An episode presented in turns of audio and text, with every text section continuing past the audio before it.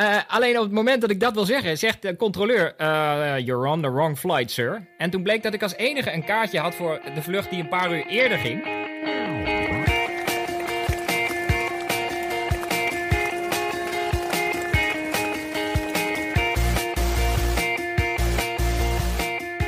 Welkom bij de 36e aflevering van Suzy Q&A, de podcast over hardlopen, training en wedstrijden. Och, weet je dat nog, wedstrijden?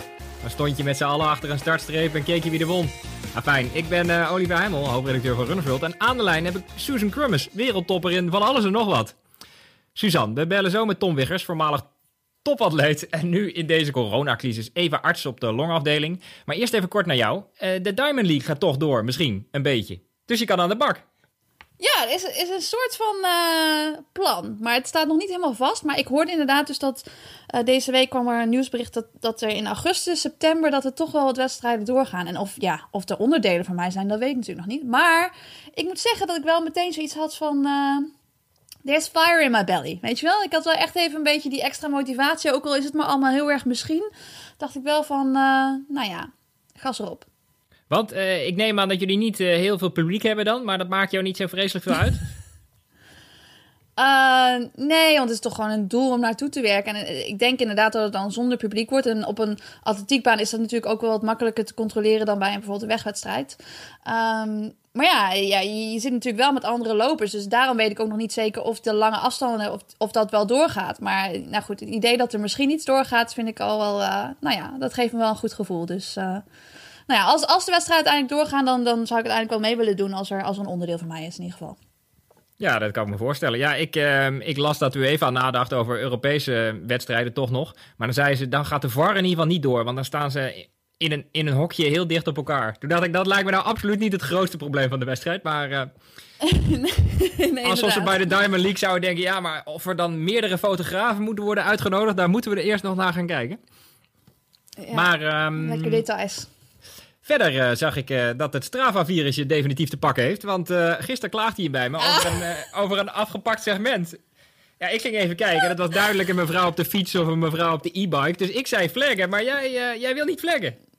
Ja, nou, ja, het zit zo. Kijk, ik, ik kreeg inderdaad een berichtje dat er een segment werd afgepakt. Ik ben echt nog een beetje een beginner op Strava. Dus ik, ik weet ook niet of ik allemaal de goede termen gebruik. Maar uh, segmentje werd afgepakt. En uh, toen ging kijken wat het was. Ik zei, ja, potdimme. Dat was gewoon van mijn Zevenheuvelenloop in 2018. Toen ik gewoon, nou ja, voor mijn doen toch wel hard liep. Iets van 47 minuten.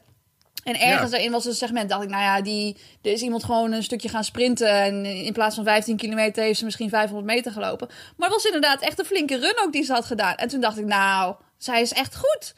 En toen had ze ook een kilometer van twee minuten erin zitten. Toen dacht ik, dat is heel goed. dacht ik, dat kan niet. dus, uh, maar flaggen, ja, weet je... Uh, ik heb zoiets van, uh, dan moet ik maar harder trainen. Dat ik ook twee, twee minuten per kilometer ga lopen. Dus uh, ik moet gewoon een keertje hard gaan trainen. Terug naar Nijmegen, parcours nog een keertje lopen. En dan kijken of ik het weer terug kan pakken. Ja, ik vind dat heel... Realistisch, toch? Ja, ik vind dat heel sportief. Maar ik denk wel dat als jij een 10 kilometer loopt... en er, er steekt iemand halverwege de baan over, zeg maar, en die wint... dat je dan niet zegt, ik moet gewoon harder gaan trainen. Maar uh, ik kan me er iets bij voorstellen. Ik heb trouwens zelf ook nog nooit iemand geflekt. Ik neem het me altijd voor, maar ik weet eigenlijk niet precies hoe het moet. Vleggen, overigens, is het, uh, is het soort aanmelden bij de Strava-politie. Daar gaan zij kritisch kijken. Dus wat ik altijd doe, is ik schrijf dan heel laf... Wauw, goed gelopen. Was het echt niet op de fiets? Want soms denk je inderdaad van... Ja, je hebt zojuist een marathon in 1,55 gelopen. Ik kan Elliot Kipchoge even een mailtje sturen... dat hij uh, zijn challenge over moet doen. Maar, maar vooruit. Ja, ik, uh, ik denk dat ik er gewoon moet feliciteren met de goede vorm. Ik denk dat ja, dat ja, de, nou dat is sowieso hartstikke ja. leuk, toch? Een mailtje krijgen. Ja, we moeten gewoon positief houden allemaal, toch? Ja, heel goed. Ik, over Kipchoge gesproken, ik realiseerde me gisteren voor het eerst eigenlijk... dat hij gewoon acht jaar jonger is dan ik. Hij is zeg maar jouw leeftijd.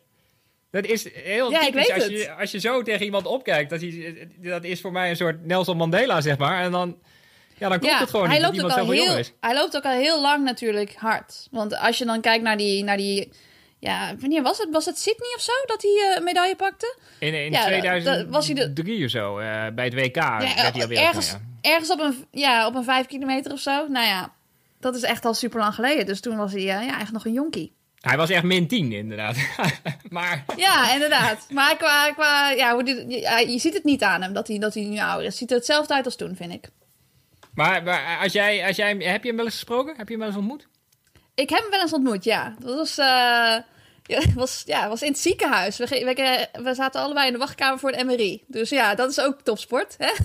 we zaten allebei in de wachtkamer naast elkaar om een, uh, ja, voor een MRI. En ik, uh, ik, heb, nou, ik heb maar niet gevraagd of het een of het een, een gewoon sporttest was of dat hij met een blessure zat op dat moment. Ik weet ook eigenlijk niet meer precies wanneer het was. Ik zat toen wel met een dikke blessure. Dat was toen met mijn voet. Oh ja. Dus uh, ik kan me ook niet herinneren of ik toen al een boot aan had. Nee, volgens mij niet. Volgens mij kreeg ik toen de MRI en toen de slechte uitslag. Die dag. Maar uh, toen heb ik hem even gesproken. En uh, nou ja, hij was gewoon nou ja, heel bezorgd over waarom, waarom ik er was. En, en het, was, nou ja, het was, het was wel leuk, maar een kort gesprek. En, maar, maar kende die? Nou. Wist hij dat hij je atlete was? Uh, nee, maar er was, een, uh, er was een visio bij die ik kende. En uh, die zei van, tegen Elliot van... have you met the great Susie? Stelde mij echt zo voor. dat was Joost, echt een grappige visio. Dus ja, dus... hij voelde zich niet schuldig dat hij me niet kende. Dus dat is op zich goed. Hij viel er niet voor. Dus ik heb me netjes eventjes voorgesteld. En het was heel leuk. En echt een, ja, een heel onverwacht moment om hem te ontmoeten. Je denkt dat je hem een keertje tegenkomt bij een wedstrijd of bij een of groot evenement, maar niet als je daar een beetje ziekeneurig met je pijnlijke voet in de, in de wachtkamer zit. Dus dat was wel eventjes een uh, highlight of the day. En daarna kwam er een, een hele diepe lowlight, maar goed, die horen er ook bij. Ja, precies. Zonder uh, toppen geen dalen en uh, dalen geen toppen. Nee, zo is dat. ja. Ik begin zoveel ja. van je te leren. Ja, Alle clichés. ja, je hebt ook Usain Bolt een keer ontmoet, want je staat met hem op de foto. Ja, dat was in, uh, was in Rio. Dat was wel leuk. Dat was inderdaad op de trainingsbaan. En toen uh, ging ik gewoon trainen met mijn trainingsmaatjes. Was, uh, volgens mij was dat... Ik denk dat dat tussen de 10 kilometer en de 5 kilometer series of zo was. En ja, een van mijn trainingsmaatjes die kende weer iemand die hem kende. En toen werden we via via werden we voorgesteld. En toen zeiden we, dan gaan we ook even op de foto's, leuk. Dus toen hebben we daar ook even gesproken, maar dat ging helemaal nergens over. Dus dat is, maar het was wel op zich leuk. Hij is gewoon heel relaxed hoe hij daar ook gewoon op de baan aan het trainen was. Je, je kent de beelden denk ik wel van hem. Die is gewoon altijd een beetje aan het dollen en zo. Dus... Uh, ja, het is wel, dat is ook wel iemand waarvan ik zoiets heb, die, die zag ik wel vaker bij wedstrijden. En dan dacht ik altijd van, wow, wat is hij, wat is hij groot en wat ziet hij er sterk uit. Ik kan me voorstellen dat hij, dat hij hard kan lopen. Mm -hmm. um, maar als je dan spreekt, dan... Ja, maar dan, dan kijk je echt inderdaad tegen hem op van... oh my god, dit is Usain, ja. de grote Usain Bolt. En als je hem dan spreekt, dan is hij gewoon heel normaal. Dus dat is wel, uh, dat is wel leuk en verrassend natuurlijk. Nou ja, wat ik... Uh, Down to earth. Bij de FBK Games, toen mochten vroeger mensen van mijn bescheiden niveau het voorprogramma doen. Dat heb je misschien ook nog wel meegemaakt. En, en ja. daar, toen ging ik uitlopen. Toen kwam ik Marion Jones tegen. Althans, Marion Jones was ook op die baan. Alleen die had allemaal bodyguards ja. eromheen staan. Maar Usain Bolt is gewoon helemaal bodyguardloos? Of? Nee, dat was niet. Er waren wel mensen die... Hij was zo zijn, postie, zeg maar. Alle mensen die altijd een beetje erbij zijn... die hem niet coachen, maar die er wel bij zijn. En je denkt van, waarom zijn er eigenlijk bij? Dus dat zijn een soort van mensen die ervoor zorgen... dat hij zich inderdaad gewoon... dat hij gewoon relaxed een training kan doen. Maar uiteindelijk heb je, ja... bij de Spelen, dat, je hebt gewoon ook respect voor andere atleten... en een eigen voorbereiding. Dus ik zou daar nooit zomaar op afstappen en zeggen van oh, uh, kunnen we even op de Ja. foto als hij midden in zijn training bezig is. Dus omdat we via via ook iemand kenden, wisten we ook van, nou, dit is het goede moment. Hij is nu klaar met zijn training, dat kan nu even. Hij heeft er ook gewoon zin in om even een praatje te maken. Dus daarom was het misschien ook wel leuk, omdat hij er gewoon echt wel even de tijd voor wilde nemen. Ja, en ik herinner me ook een fantastisch bijschrift trouwens. Dat je iets schreef als fanboy Usain Bolt wilde per se met ons op de foto. ja, inderdaad, zo gaan die dingen. Ja, dat klopt mijn hele verhaal weer niet. Ja, Nee, nee. nee. Hij, hij wachtte tot ik eindelijk met 20 rondjes had gelopen. En toen kwam hij eindelijk met me op de foto, ja. Jongen, dat duurde lang. Maar hij heeft zo- een foto gekregen, dus... eh, Ik heb mijn eh, grote idool eh Carice van Houten een keer ontmoet op de luchthaven. Heb ik dat wel eens verteld? Nee, heb je niet verteld. Ah, Vertel fantastisch. Ik ga je even een lange versie geven. Dus ik, ik kreeg een uitnodiging om naar de film Scooby-Dooby-Doo 2 te gaan in Londen. En dan mocht ik Scooby-Doo interviewen bijvoorbeeld. En ik weet nog dat ik werkte toen bij de Varengids en mijn hoofdredacteur zei... Ja, ik weet niet of er echt een verhaal zit in de acteurs van Scooby-Doo 2. En ik zei, ja, je, je kan al het gaan hè. Heen en weer op één dag.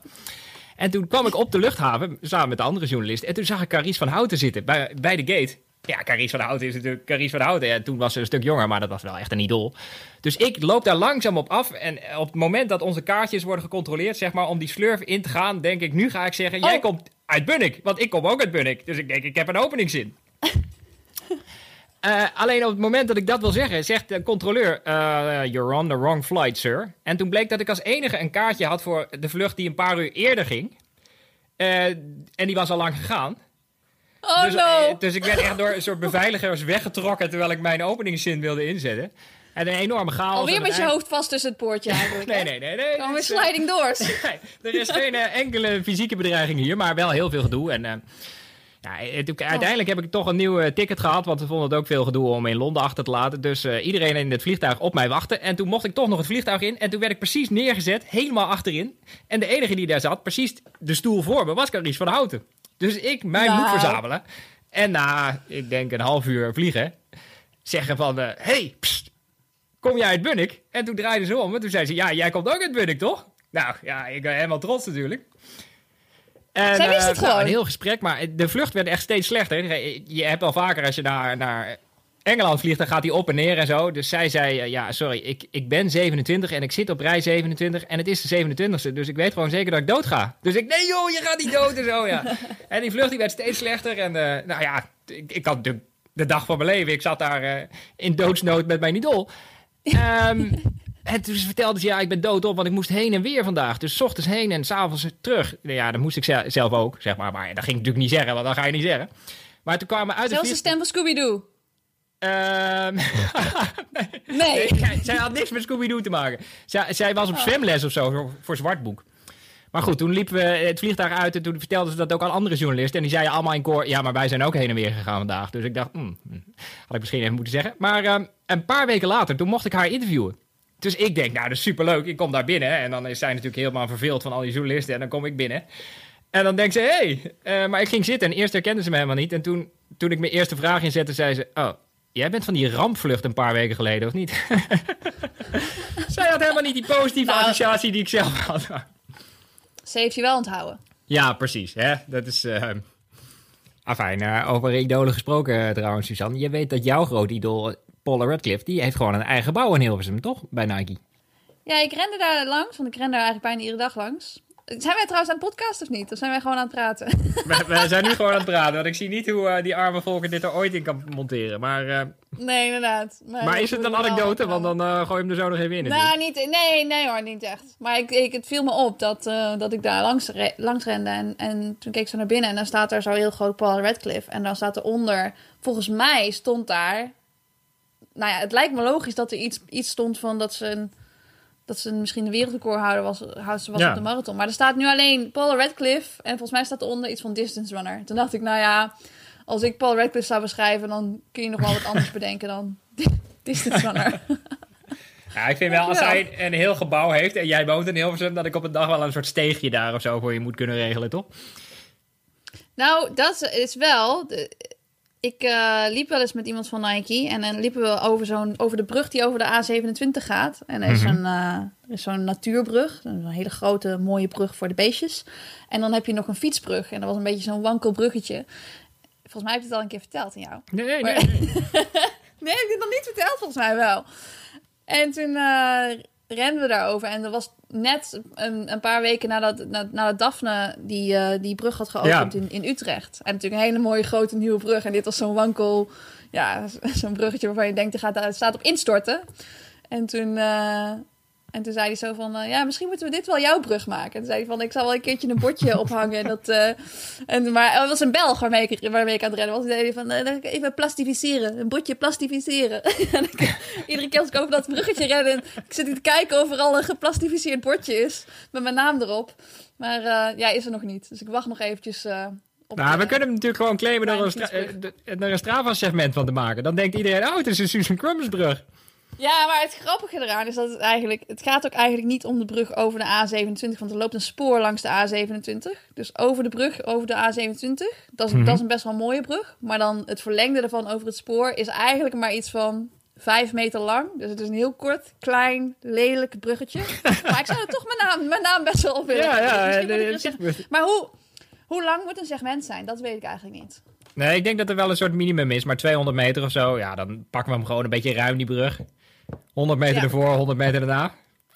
Ik ga er werk Een van maken. super mooi pad ervoor ook. Dat is, eh, ja. Goed, onze gast dan. We hebben hem nu aan de lijn. Uh, Tom Wiggers, welkom. Uh, Suzanne en Tom, jullie kennen elkaar persoonlijk, denk ik. Jullie zijn leeftijdsgenoten en hebben samen op twee EK's gestaan. Ja, nou volgens mij met de junioren meegerekend veel meer. Ja. Uh, dus we kennen elkaar sinds 2004, heb ik hem even terug zitten halen. EK Cross. Ja.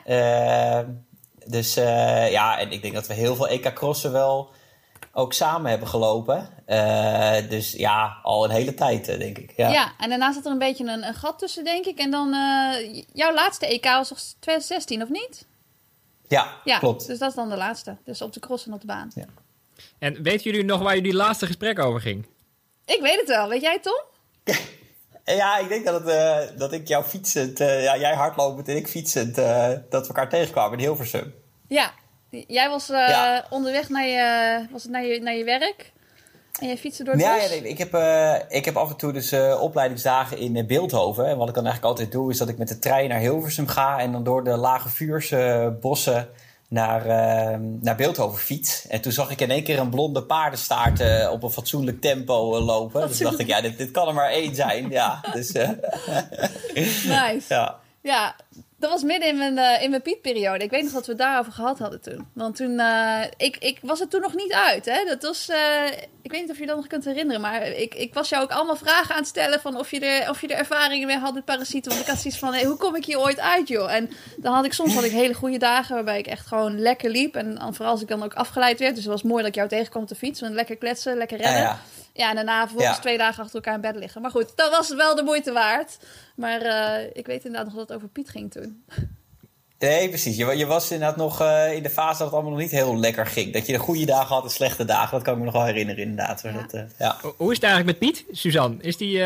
Ja, Piet die is echt helemaal de pijp uit. Die, is, die, hebben we niet meer, die hebben we niet meer gezien. Die heb ik gewoon voor Doha vermoord en niet meer teruggezien. En dat is, dat is op zich mooi. Maar het is wel, ja, ik moet zeggen, want ik zat ook te denken van wanneer ik Tom precies was tegengekomen in het bos. Toen dacht ik van, ik kan me ook gewoon niet eens herinneren welke maand het precies was. Omdat gewoon die hele zomer van mij eigenlijk helemaal aan elkaar is geplakt. Een beetje zoals nu weet je eigenlijk ook bijna niet welke maand het is, toch? Is het mei? Het is mei, toch? Ja. Maar het is gewoon een beetje ja. in zo'n rare periode. Dat, ja, voor mij was dat vorig jaar ook zo'n rare periode. Dus um, ja, dus ik herken dat wel een beetje nu. Ik, ik begrijp wat je bedoelt. Ik, uh, Tom, ja. uh, over, over jouw carrière. Je bent hartstikke jong, 32, en toch al gestopt met de topsport. In, in, Ja. in 2016 liep je op het EK Atletiek nog, de halve marathon. Was dat, eh, was Ja. dat je hoogtepunt ook voor jou? Nou, dat niet per se. Het was wel een mooi einde, vond ik. Dus ik had dat een beetje in eind 2015 wel besloten van... Nou, EK in eigen land, in eigen stad, dat wordt wel, eh, dat wordt wel het einde. En we hadden natuurlijk met een... eh, eh, zeker met een best wel goede ploeg hadden we nog ja, stiekem een beetje een hoop op een medaille. Dat is eigenlijk niet gelukt. Maar we hadden natuurlijk best wel een sterke ploeg met eh Abdi Khaled Choukout, Michel Butter en ik. En ehm, nee, dus ik had, het, ik had het wel een tijdje vooraf besloten dat het einde zou zijn. Ehm, maar het was niet per se, het was een goed EK. Ik- stond denk ik ongeveer 30ste geplaatst. En ik werd, dacht ik, 33 of 36ste. Dus dat was gewoon eh, goed. Maar het was op zich niet het hoogtepunt. Nee. Wat was wel het hoogtepunt? Ja, ik vind het altijd wel lastig hoor, om er, om er eentje uit te halen. Want ik vind eigenlijk zo'n hele periode, topsport heeft heel veel, heel veel mooie momenten. Eh, ook trainingen en ook wedstrijden. Als ik er echt eentje zou moeten uitkiezen, is denk ik mijn 10.000 meter in Leiden 2014. Ja, daar kwamen gewoon wel heel, een beetje heel veel dingen samen eigenlijk. Daar liep ik toen de EK-limiet. Gingen we ook met heel veel Nederlanders eh, gingen voor de EK-limiet. En ik was toen de enige die het liep. Maar het was ook... Eh, het jaar daarvoor was ik gestopt met TDR en was ik bij Bram Wassenaar gaan trainen. Eh, nou, dat pakte heel goed uit. En nou, Leiden was dus ook mijn thuisbaan op dat moment. Weet je? Dus dan komen er soort van heel veel dingen samen. Eh, het wedstrijdverloop was zeker niet makkelijk, maar ik, ja, ik, ik haalde wel de limiet.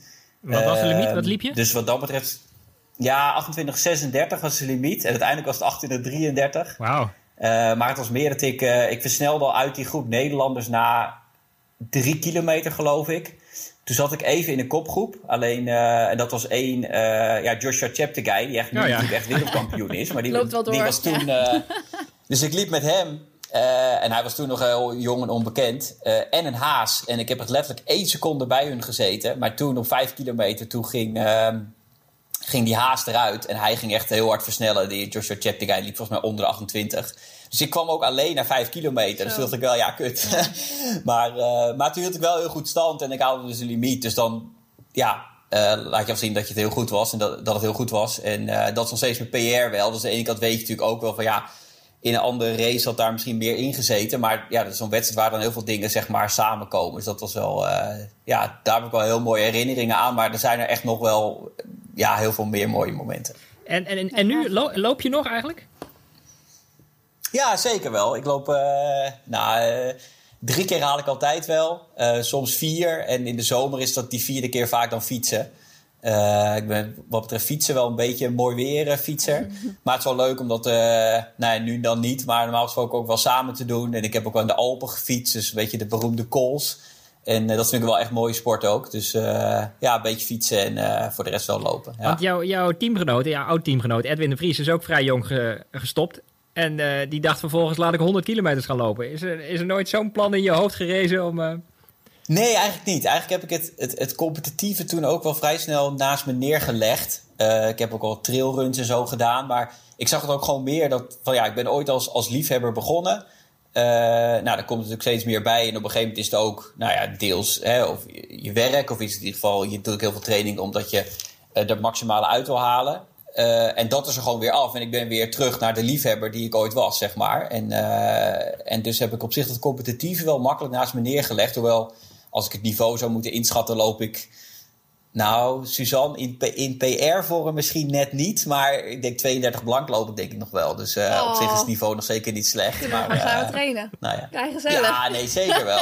dus ik, ik ben er gewoon wel, wel fit. En ik ben natuurlijk uh, ja, ook gestopt op zich met goed niveau en geen grote blessures gehad. Dus als je het dan natuurlijk een beetje onderhoudt, dan, dan hou je ook wel niveau. Omdat het nog steeds leuk is om zeg maar, hard te lopen. Dus ik vind baantraining nog steeds leuk om te doen. En, en af en toe het duurloop een beetje gas geven ook wel. Dus dan hou je wel niveau. Ja, ja, ja ik hou hoop. Um, hey, iets heel anders. Je werd sportarts in de opleiding, maar ik las in Running NL dat je nu gecharterd bent om in de corona-frontlinie te staan. Um, je werkt op de longafdeling. Wat doe je daar precies? Ja, nee, dus uh, wij, nou kijk, een heel groot deel van het ziekenhuis ging half maart gewoon dicht. Uh, zoals ook eigenlijk onze afdeling. Dus we mochten telefonisch wel wat dingen doen. Maar eigenlijk was het gewoon wel uh, ja, redelijk op het een of andere moment ging de poli. Dus van de sportgeneeskunde helemaal dicht. En uh, in de opleiding, ik ben nu laatste jaar uh, inderdaad in opleiding. Um, voor de sportarts doe je het eerste jaar werk je op de longafdeling en de cardiologie. Um, en dus kende ik die longarts ook goed. En toen heb ik me daar gewoon direct aangemeld van... Hey, uh, hebben jullie me nodig? Nou, die zagen me natuurlijk graag komen. En, uh, en dus heb ik daar inderdaad gewerkt. Dus het was inderdaad de longafdeling... ook de, nou ja, zeg maar, niet-corona-zorg van de long... wat toch ook doorgaat natuurlijk. Hè? Dus mensen met longkanker of, of, of chronische longziekten zoals, zoals COPD... dat gaat natuurlijk op zich gewoon wel door... Uh, maar dus ook eerste hulp. En we hadden ook een speciale tent bij de eerste hulp staan. Waar alleen maar coronapatiënten kwamen. Dus stond je echt de hele dag zeg maar, in de hele blauwe kleding. Dus zo werd ik een beetje her en der ingezet. Dus ik heb de dagen ook afgewisseld tussen. Nou, dat je wel echt voor de coronapatiënten zorgde. Maar ook dat je dus de ja, gewone longzorg zeg maar, deed. Uh, maar omdat ik daar dus vrij recent ook gewerkt had, was dat, ja, was dat op zich makkelijk. Kijk, je moet je ook voorstellen eh, je kan niet iedere dokter natuurlijk zomaar daar neerzetten. Hè? Omdat als jij eh, ja, dermatoloog bent of oogarts al 20 of 30 jaar, ja, dan ligt natuurlijk werk op een longafdeling op een eerste hulp ligt daar heel ver van af. Dus, dus ze hebben gewoon eerst gekeken van oké, wie kunnen we inzetten uh, die daar nog uh, nou ja, enige ervaring mee heeft, redelijk recent. Uh, en als er echt tekorten zouden komen, zal iedereen natuurlijk nodig moeten zijn. Maar nou ja, zo doen. Dus ik heb dat nu ik heb dat zeven weken gedaan en nu ben ik net weer terug bij de sportgeneeskunde. Dus we mogen weer een beetje opstarten. Maar dus zeven weken lang heb ik ja, daar gewoon als arts gewerkt. Was, was het werken op de longafdeling altijd al in een blauw pak? Of is dat echt iets wat bij corona hoort, qua besmettelijkheid enzovoort? Nee, dat, dat, dat, is, dat is echt nieuw. Hè? Dus je hebt al een, uh, bepaalde ziektebeelden, zoals de uh, bijvoorbeeld de MRSA, hè, dat is de zeg maar, beroemde ziekenhuisbacterie. Dan heb je ook vergelijkbare zeg maar, persoonlijke beschermingsmaatregelen aan.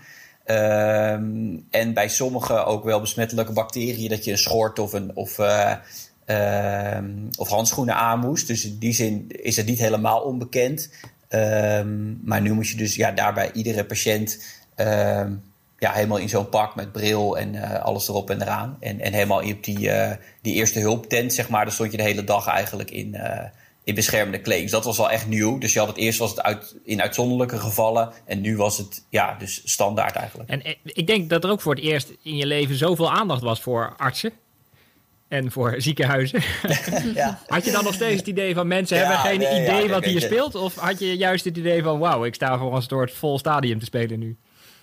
Nou ja, het is een beetje beide kanten ook wel. Want uh, Kijk, ik, ik heb niet op de intensive care gewerkt, dus daar kan ik niet heel veel over zeggen. Ik denk dat dat nog wel een stapje heftiger is dan, dan wat ik heb meegemaakt. Uh, maar op zich kan je ook voorstellen, als natuurlijk, nou niet het halve ziekenhuis, maar bijna het hele ziekenhuis dicht wordt gezet, dan heb je best wel veel, in ieder geval dokters die vrijkomen en die iets kunnen doen. Dus in die zin was, het, uh, was de bezetting qua dokters eigenlijk prima. Dus is het niet dat wij de hele dag aan het rennen waren om alles geregeld te krijgen. Uh, en was dat op zich best wel goed te doen. Dus in die zin moesten we ook soms wel een beetje lachen om de hele zorghelden uh, uh, in de media. En, en nou, er kwamen echt elke dag van bedrijven naar cadeautjes, taart, ander eten. Dat is echt niet normaal, joh, wat, wat in één keer allemaal kwam. Dus daar moesten we ook wel een beetje om lachen. we hopen dat het doorgaat. dat. Ehm, Iedere dag. Ja, nou ja en ik, ik, ik, ik, heb wel dagen heb ik niet hoeven koken, zeg maar. Er stond gewoon een, een, maaltijd voor me klaar. Dus dat, uh, maar ik vond, het, ik vond het vooral ook wel. Kijk, als dokter is het echt super interessant dat je natuurlijk. Um, dat je gewoon live een nieuw ziektebeeld ontdekt. Hè? Dus je ontdekt een nieuw ziektebeeld. Tegelijkertijd moet je ook handelen. Uh, en dat maakt de sfeer, vond ik wel heel bijzonder. Want dat ga je gewoon eigenlijk in je medische carrière. Ja, nou ja, in principe niet meemaken. Hè? Dat je natuurlijk echt een nieuw ziektebeeld ontdekt met elkaar. Terwijl je ook direct moet gaan handelen. Uh, dus dat maakt het ook weer super interessant eigenlijk. En heb ik het ook als een heel boeiende periode ervaren. Dus, uh, ja. en, en nu, eh, je bent nu terug, dus ik neem aan dat het een stuk rustiger is. Dat, dat lezen wij ook in de krant. Maar hebben jullie het idee van het is voorbij of het is stilte voor de storm? Hoe staan jullie daarin? Ja, moeilijk te zeggen. Het is voorlopig dan nu wel even soort van voorbij. Hè? Dus dat er weer wat lucht komt op alle afdelingen en ook op de intensive care.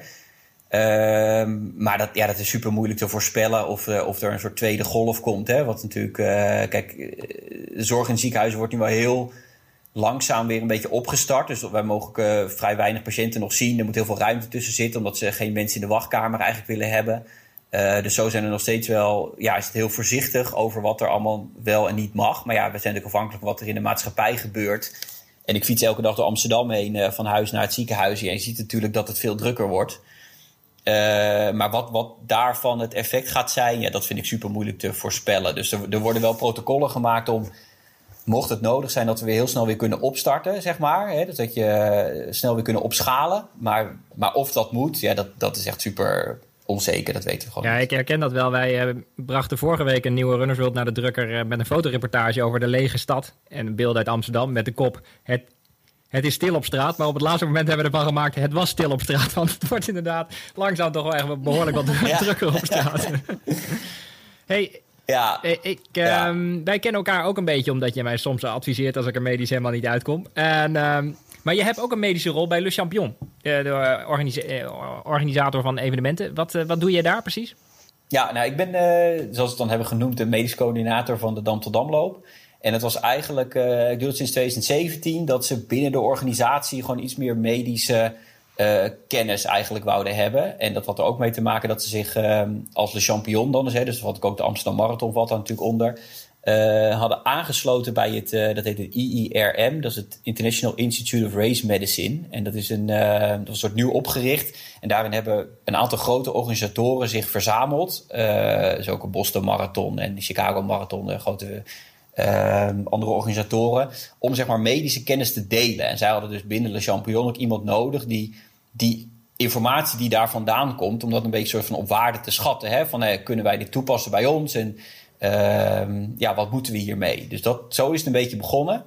En, uh, nou, en omdat nou ja, de zeg maar, medische problemen die er zijn geweest, uh, ja, toch vooral de warme dagen zijn geweest, heb ik me vooral daarop gericht uh, dus eigenlijk uitwerking van uh, nou, een van de belangrijkste projecten die ik dan heb gedaan, is dat er vorig jaar bij de Dam tot Damloop uh, nee, de koelbaden ja. stonden. Daar is ook veel aandacht voor geweest. Um, en dat was een van de dingen toen ik me dus ging ook inlezen in de literatuur en dus ook contact had met bijvoorbeeld de Boston Marathon. Dacht ik van ja, dit, dit moeten we ook hebben. We moeten, hè, de champion wil, wil koploper zijn, wil de beste dingen hebben. Dus ja, dan moeten we dit ook gaan invoeren. Nou ja, lang verhaal kort. Dat is meer dan dat je denkt, we zetten even een zwembadje neer bij de finish, zeg maar. Dat is echt ontzettend, ook wel leerzaam, maar dat heeft ontzettend veel uh, ja, voet in de aarde gehad om dat rond te krijgen. Maar uh, nou ja, ik was wel blij dat het er stond vorig jaar. Dus, uh, was je erbij die dag? Ja, nee, zeker. Ik ben er dan echt wel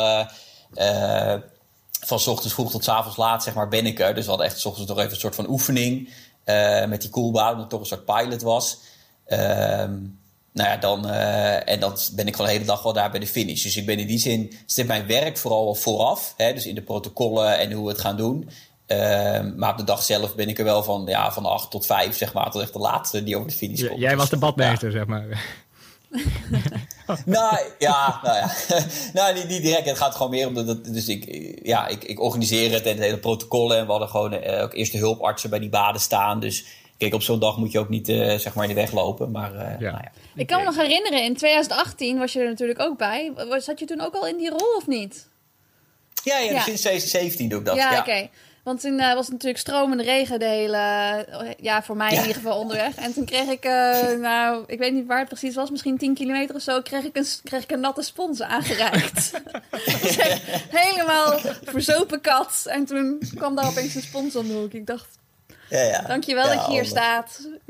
Ja, Ik ben er heel dankbaar voor, maar ik hoef me even niet. maar het was wel, uh, was wel grappig.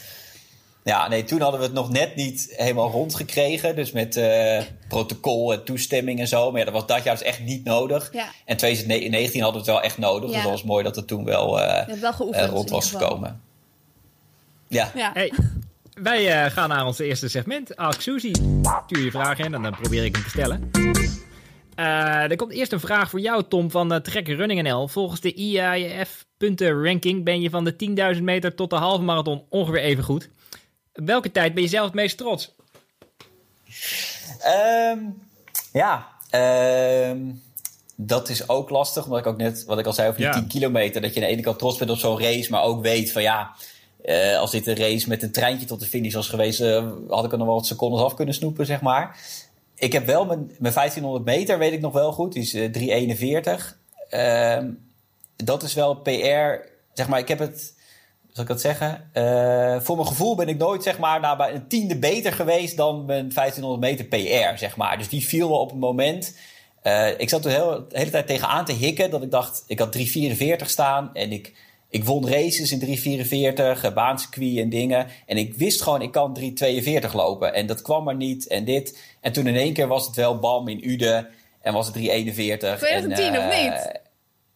Ja. ja, ik weet het. Dat was, ja. was, een mooie dag in Ude. Dat was een mooie dag. Ja, ja. dus, ja. Uh, dus, dus die... Uh, die, die, was toen wel, die viel toen net op het goede moment. En ik denk, nou oké, okay. en de 341 meteen. Ik denk, nou, ik ben nooit eh, heel veel beter geweest dan dat. En in heel veel andere PR's heb je dan wel het gevoel van, nou oké, okay, er zit allemaal wel ruimte in allemaal nog wel. Maar, ja, dat is het natuurlijk. Als je het maximale eruit haalt, dat is, dat is mooi.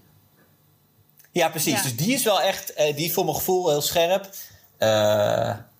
Ja, en, en wat een beetje in het verlengde dan van deze vraag, dat blijkbaar heel breed vrij goed was, zeg maar dat uh, volgens mij, ik heb dat nooit precies teruggezocht, maar ik heb, ben volgens mij de enige Nederlander die ooit de korte cross en ooit de lange cross op de NK dus heeft gewonnen. Dus ik won de korte cross in 2007 en dus de lange cross in 2016.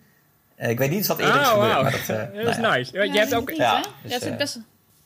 Ga maar door. op het studentenkampioenschap heb je het ook een keer ehm, allebei um, gewonnen op één dag, toch? Ook nog? Ja. Klopt. Ja, toen deed, ik, toen deed ik eerst de lange cross. En dat was in Nijmegen toevallig uh, Suzanne oh, Berg, ja? Berg en Dal oh, was mooi. het. En uh, de, de Le Cross. Ja. En toen was het eerst een 9,5 kilometer lange cross. En toen had ik een uh, half uur of drie kwartier pauze. En toen was het nog uh, vier kilometer korte cross of zo. zo. Ja, klopt. Ja, dan heb je wel heel ja, veel boze ouders volgens mij die zeggen... je moet anderen ook iets gunnen. ja. ja. als je ouders naar het studentenkampioenschap komen. ik weet niet. Is er iets fout gegaan? Uh, Tom, nog een vraag voor jou van Krullebol Nicole. Uh, ja, mensen hebben dit soort namen op Instagram. Um, zijn er trainingen die je nu tijdens de coronaperiode beter niet kon doen? Ik hoor sommige mensen zeggen dat ze alleen rustige duurlopen doen. Ik vind het ook lastig. Uh, bijvoorbeeld wij proberen mensen af te raden om een snelle marathon te lopen op dit moment. Alleen een, een snelle vijf is voor mijn gevoel dan echt wel weer iets anders. Hoe sta jij daarin? Ja, nou, enige wat we daar natuurlijk een beetje over weten... is dat je wel gewoon in de uh, nou, in ieder geval in de uren naar een heel intensieve training. Dus dat kan of zijn dat, dit, hè, dat die intensief was dat het heel hard ging of dat die heel lang is. Dat je wel een soort van dip hebt, een beetje in je immuunsysteem, zeg maar, in je afweersysteem. Dus dan zou je in die zin wat vatbaarder kunnen zijn voor infecties. En dat geldt hetzelfde voor als je een hele zware trainingsperiode zit. Uh, heel afgetraind bent, hè, dus je heel laag in vetpercentage zit, dat je ook wat gevoeliger daarvoor bent. Ja, hoe groot die effecten precies zijn, vind ik ook moeilijk te zeggen. Maar dat, dit is er in ieder geval wel over bekend. Uh, dus als je iets zou willen doen, zou ik zeggen vooral juist wel natuurlijk in beweging blijven en blijven sporten en lopen.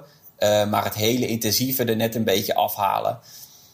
Ja, dat zou je erover kunnen zeggen. Ja, maar ik las dat je zelf nu het belangrijker vindt om gezond te blijven dan in je topsportcarrière. Uh, dat klonk mij heel altruïstisch, omdat je nu dan ook anderen in gevaar brengt. Maar is het zo dat je echt meer met je gezondheid bezig bent nu dan zeg maar Suzanne? Nou, ik, nou, ik, nou dat, dat, wil ik niet zeggen, want ik heb heel veel bewondering, bewondering voor Suzanne en hoe ze met de sport uh, omgaat. Uh, dus, maar het is meer, het is een ander gevoel. Uh, omdat je dus weet ja, dat, je, dat je ook een ander echt kan benadelen op het moment dat jij ziek wordt. En ik weet nog in het begin, uh, dus zeg maar in, in begin maart, dat, we, nou, dat die IC-capaciteit mogelijk een probleem zou worden. Dat was al snel duidelijk. En het andere, wat gelukkig niet zo is, is gebeurd, is ja, zeg maar zieke zorgmedewerkers. Hè? Je kan je ook voorstellen, als, ja. er gewoon, als een kwart van de dokters en de verpleegkundigen ziek wordt, heb je ook gewoon echt een probleem.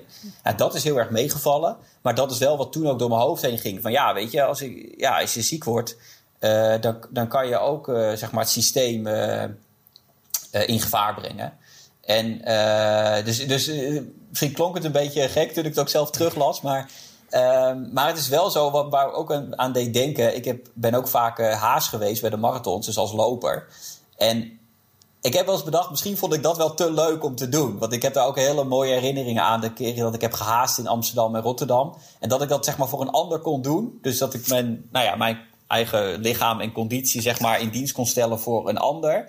Daar heb ik ook ontzettend veel voldoening steeds uitgehaald. En misschien zou je als topsporter iets egoïstischer moeten zijn. Maar ik, ik vond dat echt een zekere toen ik het voor mijn, mijn trainingsmaten heb gedaan. Dus één keer heb ik toen. Uh, ja, heel erg. Ik heb het toen ook zeker toen dus voor uh, uh, Ronald Schreur en Rens Dekkers een keer gedaan. Die de EK-limiet liepen. En voor Michel Butter natuurlijk heel vaak, wat ook een hele goede vriend van mij is. En uh, ja, ik vind dat het super mooie momenten ook. Dus blijkbaar is dat een beetje de doktershart wat er dan uh, in zit. Of ja, zo. want dus toen dat, ik jou uh, dat zag ja. doen, en dan zag ik je natuurlijk ook op tv. En het leek je allemaal redelijk makkelijk af te gaan. Dacht ik, dit is allemaal in aanloop voor jouw marathon. Maar zo was je er dus helemaal niet Ja. mee bezig. nee, zo was ik op zichzelf niet, niet mee bezig. Maar het is natuurlijk wel waar dat... Kijk, als ik nog door was gegaan, had ik de uitdaging nog wel op de marathon gezeten. Ehm, maar dat, dat is gewoon... Ja, ik had... Eigenlijk, ik, ik vond het qua topsport eh, gewoon in 2016 eh, mooi geweest. En ik heb er ook helemaal geen spijt van gehad dat ik toen ben, eh, ben gestopt. Voor mij was het gewoon altijd belangrijk om door te gaan zolang je echt het gevoel hebt van het, echt het vuur brandt. Ja. Je zegt, ik ga er elke dag alles aan doen. En dat had ik toen ik afstudeerde. Dus toen ik, was ik net 25. Toen dacht ik echt van, nou, ik, ik moet nog door. Ik wil nog mooie prestaties neerzetten. Ik wil graag nog naar Kenia toe. Ik had zoveel van die dingen die ik graag nog wilde doen. En ik voelde echt het vuur, zeg maar. Eh, ja, en, en dat werd gewoon op een gegeven moment wel minder. Er, nou, natuurlijk speelt altijd mee dat je weet, je bent dokter, dus dan moet je ook niet al te lang allemaal laten liggen. Maar meer dat ik dacht, nou, ja, dat werd gewoon minder. Dat was voor mij het moment om te stoppen. Kijk, en of dat op je twintigste komt of op je 25ste, nou, bij mij was dan op mijn 28ste. Eh, maar dat had ik wel een beetje een soort van altijd met mezelf afgesproken van dat is een moment om dan eh, andere keuzes te gaan maken.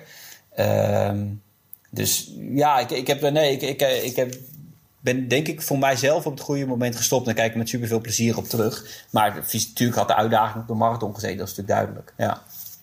Dus, ehm, eh, ik heb nog een, ik moest even iets uit mijn scherm wegtikken. Ehm, ik heb nog een vraag voor jou, eh, Suzanne, van Linda van der Ha. Tegen het verkeer in of met het verkeer meelopen? Wat is de ongeschreven regel en wat doe jij? Ja, Tom, eh, eh, spreek vrijheid mee. Eh, wat doe jij, Suzanne?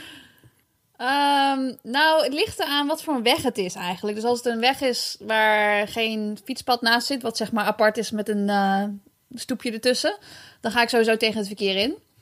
En ik moet zeggen dat ik daar ook altijd weer aan moet wennen als ik in Australië ben. Want dan moet ik dus zeg maar aan voor Nederland de goede kant lopen om tegen het verkeer in te lopen. Maar ik vind het dan wel fijn om inderdaad gewoon verkeer aan te zien komen. Dat ik in ieder geval gewoon de weg af kan springen als iemand niet oplet. Hè? Als ze eventjes met, eh, weet ik wat, met een telefoon bezig zijn of zo. Dat je dan niet eh, van achteren geraakt wordt. Vooral als je naar muziek aan het luisteren bent natuurlijk. Uh, maar als het op een fietspad is, ik doe bijvoorbeeld vaak met thresholds, doe ik dan op een, op een fietspad hier wat zeg maar gewoon apart van de weg ligt. Oh, ik heb threshold gezegd. Ja, ja. ja, daar is hij. Uh, daar is hij. Maar dan doe ik hem dus, doe ik het dus en dan doe ik, ga, ga, ga, ga ik ga gewoon heen en weer. En dan uh, ja, op de terugweg is een gedeelte van het fietspad is twee richting verkeer, maar een gedeelte ook niet. En dat is eigenlijk dan de laatste drie minuten. Dus ja, als het, dan, als het stoplicht dan mee zit, dan steek ik over. Maar als het dan niet mee zit, dan blijf ik gewoon aan de verkeerde kant lopen. En uh, nou ja, er is altijd wel genoeg ruimte om dan gewoon fietsen te passeren. Maar pas geleden was het dus dat ik daar zo aan het rennen was tegen het verkeer in die laatste drie minuten. En Andrew die fietste mee. En toen kwam er een fietsen van de andere kant en er zat gewoon echt drie meter tussen ons. En toen riep hij keihard naar Andrew, idioot! dus ik moest lachen. En ik maakte gewoon die threshold af. En uh, toen ik stopte, zei Andrew van, uh, what, what did that guy say to me? So, don't, don't, don't worry, he's just, just being rude. maar in ieder geval, ja, niet iedereen is het daar dus mee eens. Dus dat, niet iedereen nee. is het mee eens dat als je het verkeer aan... Maar ik dacht dus zelf, als je dus, als, als je dus zeg maar elkaar kruist, dan ben je toch veel minder lang in elkaars aura. Dan, kijk, pas was ik aan het rennen op het fietspad en te haalde een fietser met uh, helemaal top tot teen, lycra, strakke kleren, dure fiets, haalde mij in. En ik was 3.30 tempo aan het lopen. En hij haalde mij in met 3,29 tempo, rustig een beetje.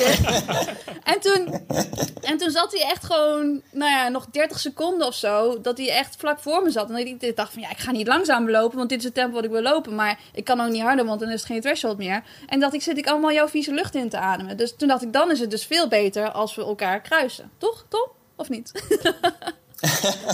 ja, je hebt wel uitgebreid antwoord gegeven. Nee, volgens mij is het inderdaad... Ik, ik kijk gewoon altijd van, zou... Uh, nou, inderdaad, wat zou een fietser doen? En dus verwacht een auto daar ergens een fietser. Dus kijk, op het moment dat je inderdaad langs een weg waar ook een fietser zit...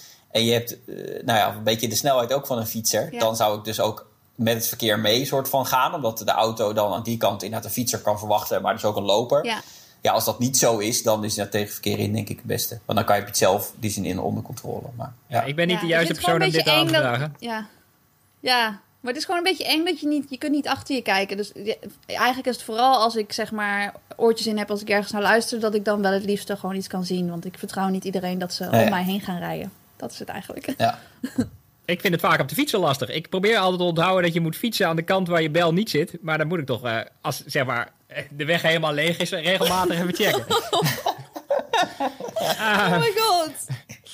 Ah, fijn. Heb je ook een vraag voor Suzanne? Of voor mij natuurlijk, mail hem dan naar mijn adres olivier.heimel.hurst.nl En wie weet komt jouw vraag in de volgende podcast.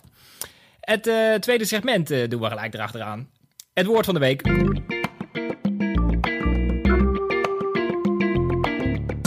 Corona Solo 10K. Ga je meedoen komende zaterdag? Suzanne. Uh, nee, ja, ik ben nog duurloopjes aan het doen. Hè? Dus ik ben nog een beetje, een beetje mijn rustige periode. En dan ga ik langzaam aan ga ik weer wat meer thresholds erin. En dan weer langzaam wat meer intervaltraining. Dus uh, ja, kijk, ik zou hem als duurloopje kunnen lopen. Maar uh, kijk, als ik hem dan loop, wil ik hem eigenlijk ook wel gewoon hard lopen. Dus ik laat het even aan andere mensen over. En Tom, jij ook geen plannen? Ja, nee, ik zit er precies hetzelfde als Suzanne. ik denk, ja, ik kan prima de, 10 kilometer in, in, in 35 minuten uploaden. Maar als ik dat wil doen, dan... Ja dan moet het ook een beetje goed. Toch een en beetje dat, die trots, uh, hè? Ja. Nee. Een beetje. ik zit helemaal met twee hele ja. trotse atleten, merk ik. Uh. Ja, nee, maar het is, het is natuurlijk het is wel leuk voor mensen om, om iets naar, naar iets toe te werken, om gemotiveerd te zijn. En niet iedereen hoeft natuurlijk op zijn allerhardste lopen. Als je dat als een, uh, als een threshold of wat voor een andere training ook doet, is dat natuurlijk ook leuk. En het is ook voor een goed doel, geloof ik, hè? Uh, zeker. Ik, ik, moet even opzoeken welk ja. doel, maar... Um, ja, nou. nee, ja, goed, dat hoorde ik in ieder geval. Maar ja. Nee, maar het, het, zijn, het zijn wel super goede dingen. Hè? Dat we nu met de Dam tot Damloop, die natuurlijk afgelast is dit jaar. Ja, je, je kan er best wel creatief mee omgaan. Dat je denkt, nou, we maken het de grootste Dam tot Damloop ooit. Alleen virtueel, weet je wel. Ja, ze moeten natuurlijk iets. Dus ja. op zich vind ik het wel goede initiatieven.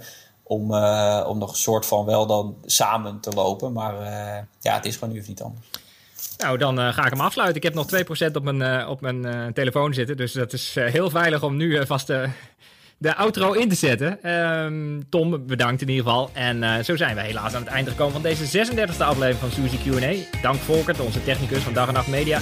Dank Tom en Suzanne. En dank u beste luisteraar, ook namens Suzanne. Blijf luisteren en lopen.